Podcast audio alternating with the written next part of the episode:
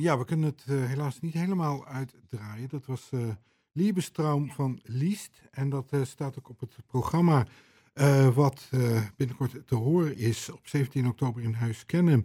Van het duo Oyhana, Aristisabel Puga en Lineke Lever. Het gaat over het concert La Lecture over Suzanne en Edouard Manet.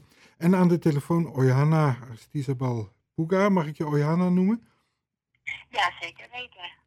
Oké, okay, um, ja, dat uh, concert, het is een uh, bijzonder concert, want ik heb al iets op uh, YouTube kunnen zien. En um, daar zag ik dat jullie ja, op het podium ook een aantal werken van Manet hadden staan. Niet originele natuurlijk, maar reproducties. Ja, inderdaad. Ja, dat klopt. We proberen een beetje, zeg maar, de rest van Suzanne Manet en de moeder van Edouard, eigenlijk te laten zien hoe dat zou kunnen zijn toen. Want ze, ze gaven concerten een, een keer per week voor al zijn vrienden. En uh, ja, we dachten dat dat zou gewoon allemaal met, uh, met uh, schilderijen en van zijn. Maar goed, in ons atelier, zeg maar, is vooral Suzanne Manet te zien. En, en de zoon van Suzanne en de ouders van Edouard. Dus we hebben een klein atelier. Ja. Um, ja, je werkt al een tijdje samen met uh, Lineke Lever en jullie hebben een aantal uh, ja, uh, programma's, projecten zou je het misschien kunnen noemen. over het einde van de Eerste Wereldoorlog bijvoorbeeld, hebben jullie gedaan in samenwerking met een historica. En jullie werken ook veel samen met dansers, acteurs en vertellers. En nu dus dat programma over de Nederlandse pianist en zangeres Suzanne Manet Leenhof. Um, waarom over Suzanne Manet? Nou, het was, het was een grote toeval, want in de zomer, ergens volgens mij was het 2019 of zo, had uh, Lineke mij een fotootje gestuurd van, nou, dit lijkt me interessant. En uh, ik was ook toevallig die dagen uh, voor die aan het lezen, maar gewoon toeval per toeval. En we dachten, nou, er moet gewoon iets, iets meer komen, want ze hadden ook zo'n boeiend leven tussen aan die muzici en dichters en uh, schrijvers. En uh, we wilden heel graag eigenlijk een soort van uh, muzikale biografie van Susanne research maken. Ja. En ja, dat, want dat vonden we dat het gewoon eigenlijk ook er, er moest zijn.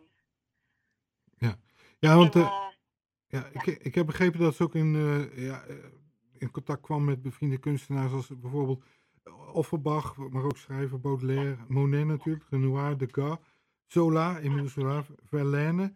Uh, het was een, uh, ja, een behoorlijk actief uh, cultureel leven in Parijs in die tijd. Hè. Manet is eigenlijk ook wereldberoemd geworden als schilder.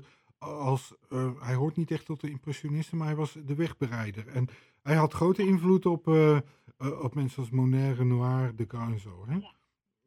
Ja. ja, klopt. En voor hun was sowieso toen heel erg moeilijk. Ze waren zo niet herkend, zeg maar. Nu weten wij hoe het zat. En wij denken nu van, wauw, wat een, wat een groep vrienden die bij elkaar hoorden. En, uh, maar goed, ze zijn het helemaal niet makkelijk. Nee, nee want uh, een werk werd bijvoorbeeld uh, van de schilderstand geweigerd voor, ja, ja, voor de academie, voor de grote tentoonstellingen. Dat werd gewoon afgewezen, want dat vonden ze maar rommel. ja. ja. Maar hoe, hoe heeft, uh, weet je dat ook, hoe heeft Suzanne, hoe heeft ze Edouard Monet ontmoet? Nou, het is een, uh, een uh, lang verhaal, maar goed, Suzanne zat in Parijs. Um, ze, ze wou graag in het conservatoire daar studeren. En, maar goed, ze moest ook zoontjes verdienen. En de moeder van Edouard had haar zien spelen. En ze, zat, ze wou heel graag een pianodocent voor haar twee kinderen. Dus niet voor Edouard, want Edouard was uh, op reis. Na een van die lessen kwam Edouard terug.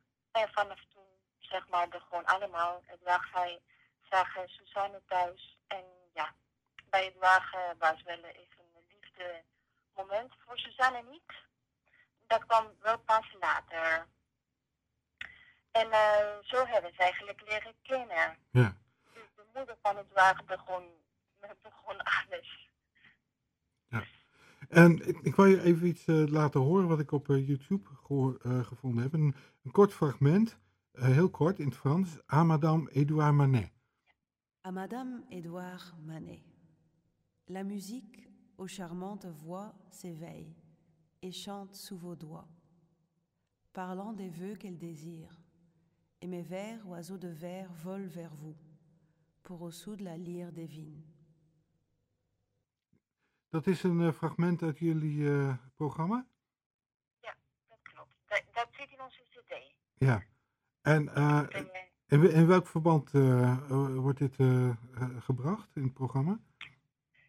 Nou, in het programma, de, het, het, fragment is van Theodore de Banville. En hij was weer een, een vriend van Edouard en Suzanne. En hij had gewoon voor Suzanne deze gedichten geschreven. En uh, het, het wordt ook, Suzanne was tussen de mannen eigenlijk heel erg geliefd, maar ook onder respectvol geliefd. Maar was tussen de vrouwen niet zo geliefd. Zij was een beetje zo'n, ja, dat, dat vonden ze niet zo fijn, want Edouard uh, was ook een aantrekkelijke man die heel veel moeders van meisjes wilde hebben voor haar eigen dokter. En, maar goed, Suzanne zat er tussen.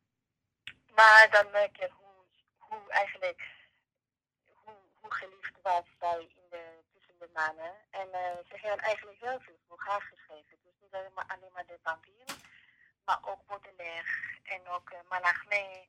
Ze, ze, heeft, uh, ze hebben heel veel voor haar geschreven. Um, goed, we, we zijn heel benieuwd naar de voorstelling. een klein voorproefje staat op YouTube waar jij de cello bespeelt en Lineke Lever de piano. Jullie dragen ook voor fragmenten. Ja. En ja, daarnaast zijn ook dus die werken van Manet te zien. En dat allemaal op 17 oktober in Huis Kernem. Ja, oh Johanna. Ik... heel kort, maar dan is het hele verhaal heel erg duidelijk. Want het is echt een zo'n mooi en waard gebeurd verhaal. Echt een film waard, zeg maar. Dat zou de volgende stap kunnen zijn. Oké. Nou, Ojana, ik dank je voor dit uh, gesprek en ik wens jullie uh, veel succes volgende week zondag in Huiskernen op 17 oktober. Dankjewel.